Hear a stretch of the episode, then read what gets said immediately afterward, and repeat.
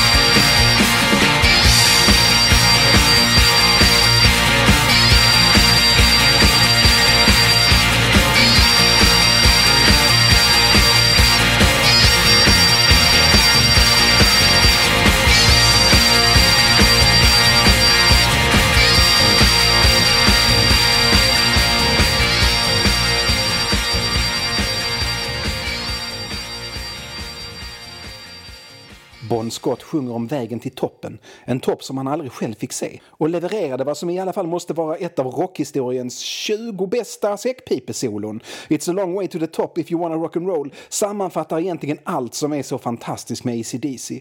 Riffen är där, humorn är där, sången är där och framförallt är Malcolm Young, världens genom tidernas bästa gitarrist, idag, igår, alltid där och lägger grunden tillsammans med Mark Evans och Phil Rudd. Är det världens bästa poplåt? Klart det är!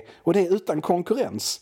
Men det här är världens bästa poplåts tredje säsong och här söker vi inte bara efter världens bästa poplåt utan också på svaret på frågan om hårdrock är bättre än synt eller om det är tvärtom. Jag är Nils Karlsson och det här är min oförfalskat subjektiva, helt objektiva bedömning av frågan och det handlar om 1980. Vilken var världens bästa poplåt 1980? Självklart ACDC igen, för även om de inledde året med att deras sångare, medlåtskrivare och stjärna kräkte ihjäl sig efter en natt med mer alkohol än det egentligen funnits utanför Lemmy Kilmisters kropp så kom de tillbaka med sin sista bra skiva.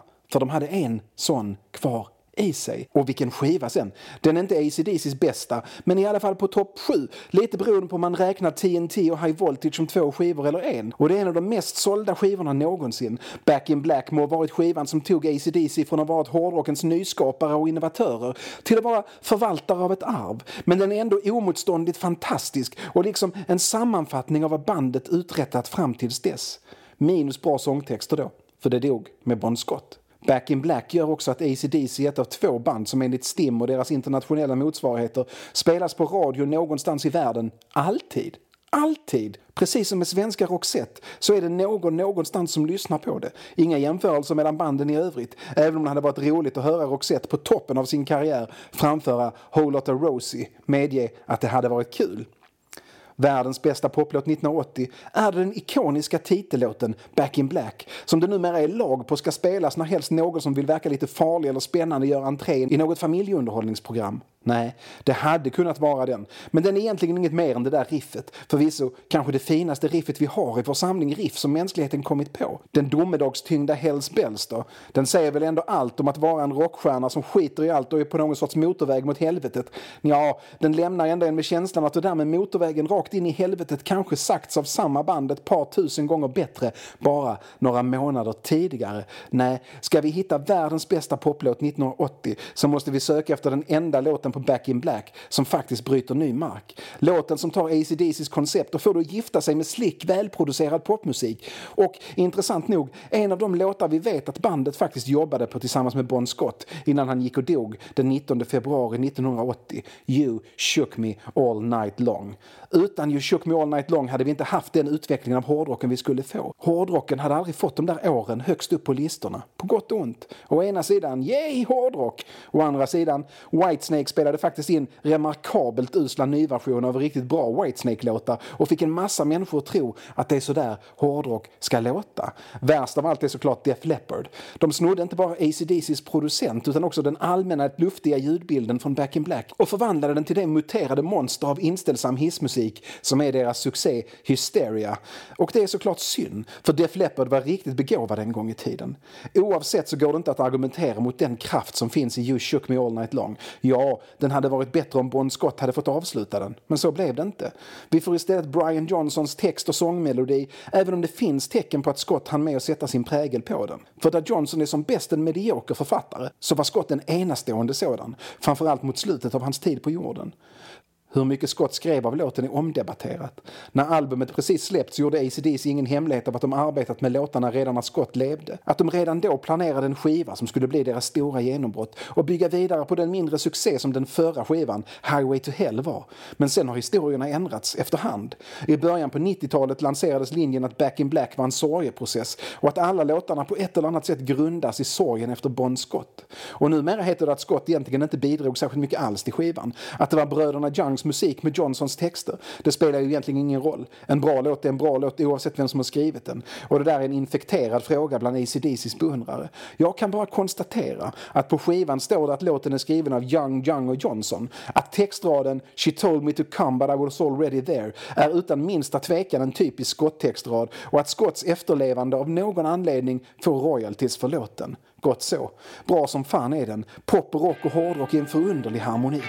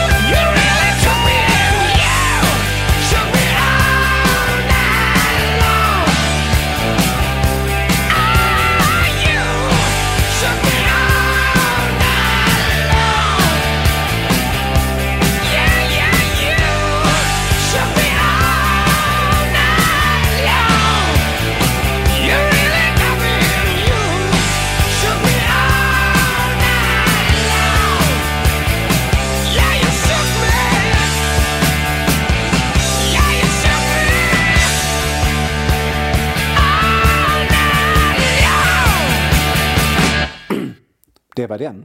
Vi ska snart gå längre tillbaka, till ingredienserna, till hur Gud steg ner och sade “varde rock och vad som gör AC/DC så fantastiska. Men först, synt eller hårdrock 1980. Ja, trots en mängd fina debuter och lovande comebacker. Här kan man särskilt nämna både Black Sabbaths och Ozzy Osbournes otroliga skivor Heaven and Hell och Blizzard of Oz. Så får vi nog ge 1980 till syntpoppen. Det var trots allt där det hände och folk kommer fortfarande nynna på Video Kill the Radio Star när vi koloniserar andra galaxer. Så 1-0 till synten, så kan det gå. You shook me all night long är en fantastisk rocklåt och den enda invändningen man kan ha mot den är att den inte ens är i närheten av att vara ACDCs bästa. När den släpptes hade de redan sin konstnärliga storhetstid bakom sig. Det är omöjligt att välja en av deras låtar. I stort sett allt de gjorde från det att de hittade sin speciella ljudbild på TNT till att Bon Scott söp ihjäl sig är makalöst. Men när vi måste välja en låt, bara för att välja en låt, så finns det ingen som passar bättre än Let there be rock. För den innehåller allt som en AC/DC-låt ska ha, utom möjligen sexuella tvetydigheter och hyllningar till kraftigt överviktiga kvinnliga musikentusiaster som väldigt handfast visar sin uppskattning för rocksångare. Grunden, stommen, huvudingrediensen i AC/DC var hur bröderna Young spelade gitarr. De kom från en musikalisk familj, skottar som flyttat till Australien och deras storebror George var en regelrätt popstjärna i 60-talets Australien. Det förväntades att barnen skulle spela musik och det fanns alltid musikinstrument i närheten. Angus ville bli Eric Clapton, eller bättre, böja strängarna, slå an strängarna och han övade och övade. Han imiterade sina hjältar och förebilder men tyckte det var fundamentalt urtråkigt att lära sig musikteori eller ens analysera hur en låt fungerar. Så var det inte med storebror Malcolm. Malcolm, som en gång i tiden var världens bästa gitarrist, blev helt fascinerad av hur poplåtar var konstruerade, hur toner smälter samman och bildar ackord, hur rytmer samspelar. Det där plippandet och ploppandet solgitarristerna höll på med var inte det som gjorde en hit till en hit, eller något man kunde dansa till, till något man kunde dansa till. En dag satt bröderna och spelade ihop, fortfarande väldigt unga, fortfarande skolpojkar och upptäckte hur speciellt det lät. Malcolm spelade något rytmiskt, närmast mekaniskt på sin gitarr och Angus improviserade till det.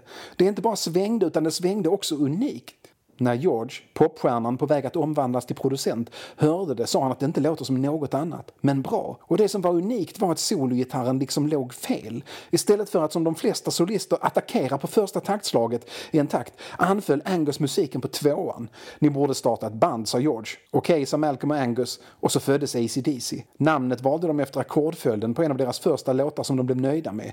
A, C, D och tillbaks till C. Och så sammanföll det med att de ville låta elektriska, likström och växelström. Så de hade ett band, de hade ett namn och Malcolm hade en tydlig vision av hur de skulle låta. Med ständigt nya medmusiker börjar bandet så sakteliga bygga upp sin publik. De blir ihågkomna i början för att de var det där bandet där ena snubben uppträder i skoluniform. De blir också ihågkomna för att de var det där bandet som spelade Rolling Stones Jumping Jack Flash i en 40 minuters version som blev till en berusande hypnotisk mässa. Enformigheten var grejen. Likt ravemusiken 20 år senare, det här är början på 70-talet. Det var på deras andra LP, TNT, som pusselbitarna till slut föll på plats. Sångaren Bon Scott, lite äldre och erfarnare än bröderna Young, var på allvar med i låtskrivandet och bidrog med ofta fantastiska sångtexter och sångmelodier som också likt Angus sologitarr låg precis lite fel i takten. Allt i enlighet med Malcolms plan. På TNT var också rytmsektionen perfektion. Det går inte att föreställa sig ACDC utan Phil Rudds trummor och Mark Evans bas eller Cliff Williams bas senare i deras karriär. Det är rytmen som är ACDC och de hanterar den på ett sätt som ingen annan lyckats med. Många har försökt, men man kan inte bara härma genier och tro att det blir lika bra. ACDCs trummor och bas spelar nästan alltid helt rakt. Inga gungande, skyfflande trummor. Nej, raka åttondelar och basen gör samma. Ackordets grundton och åttondelar. Men på detta kommer Malcolms ibland helt vansinniga kompgitarr. Hypnotiska riff som liksom ligger lite fel. Ofta börjar de i slutet på förra takten och svänger sedan något överjävligt. Det låter enkelt, men det är harder than it looks att faktiskt spela det. Och ovanpå detta Bon Scotts röst som ligger ytterligare lite fel och på den Angus solgitarr som också är galet distribuerad. ACDC var bandet som genom att göra fel, att bryta mot alla regler, gjorde allt rätt. Det må låta enkelt, men nej, nej, nej, nej. Let it be rock är som bandets mission statement. Det är det här vi vill, det är det här vi kan, det är det här vi ska göra. Hela LPn, den heter också Let it be rock, bubblar av energi och framåtanda, men den var sprungen ur en känsla av besvikelse och ilska. Deras internationella skivbolag var en hårsmån från att dumpa dem efter att ha hört deras tredje skiva, Dirty Deeds Done Dirt Cheap, och kommit fram till att bandet var provocerande uruselt. De tackade nog sina lyckliga stjärnor när de tre år senare släppte Back in Black och håvade in miljoner att de faktiskt inte rev det där kontraktet, trots allt. ACDC var utfattigt och hade blivit av med sina internationella möjligheter och det var med dessa dystra utsikter framför sig som de skrev Let it be rock. För om det skulle bli deras sista skiva så skulle den i alla fall sammanfatta hela konceptet. I låten antar Bon Scott rollen som predikant och vi i publiken blir hans församling. Vi kan inte motstå det. Var det ljud, ljus, trummor och gitarr och Let it be rock. För oss som snart ska till rocka, var hälsade och så vidare. Det här är ACDC när de är som bäst. Och grejen med ACDC är att när ACDC är som bäst så finns det ingenting i hela universum som är bättre. Bon Scott och Malcolm Young är döda, men deras musik finns kvar och tack gode gud för det. Vänner, det är dags att skruva upp vad du än lyssnar på, för nu blir det rock. Live i Glasgow 1977. Let there be rock.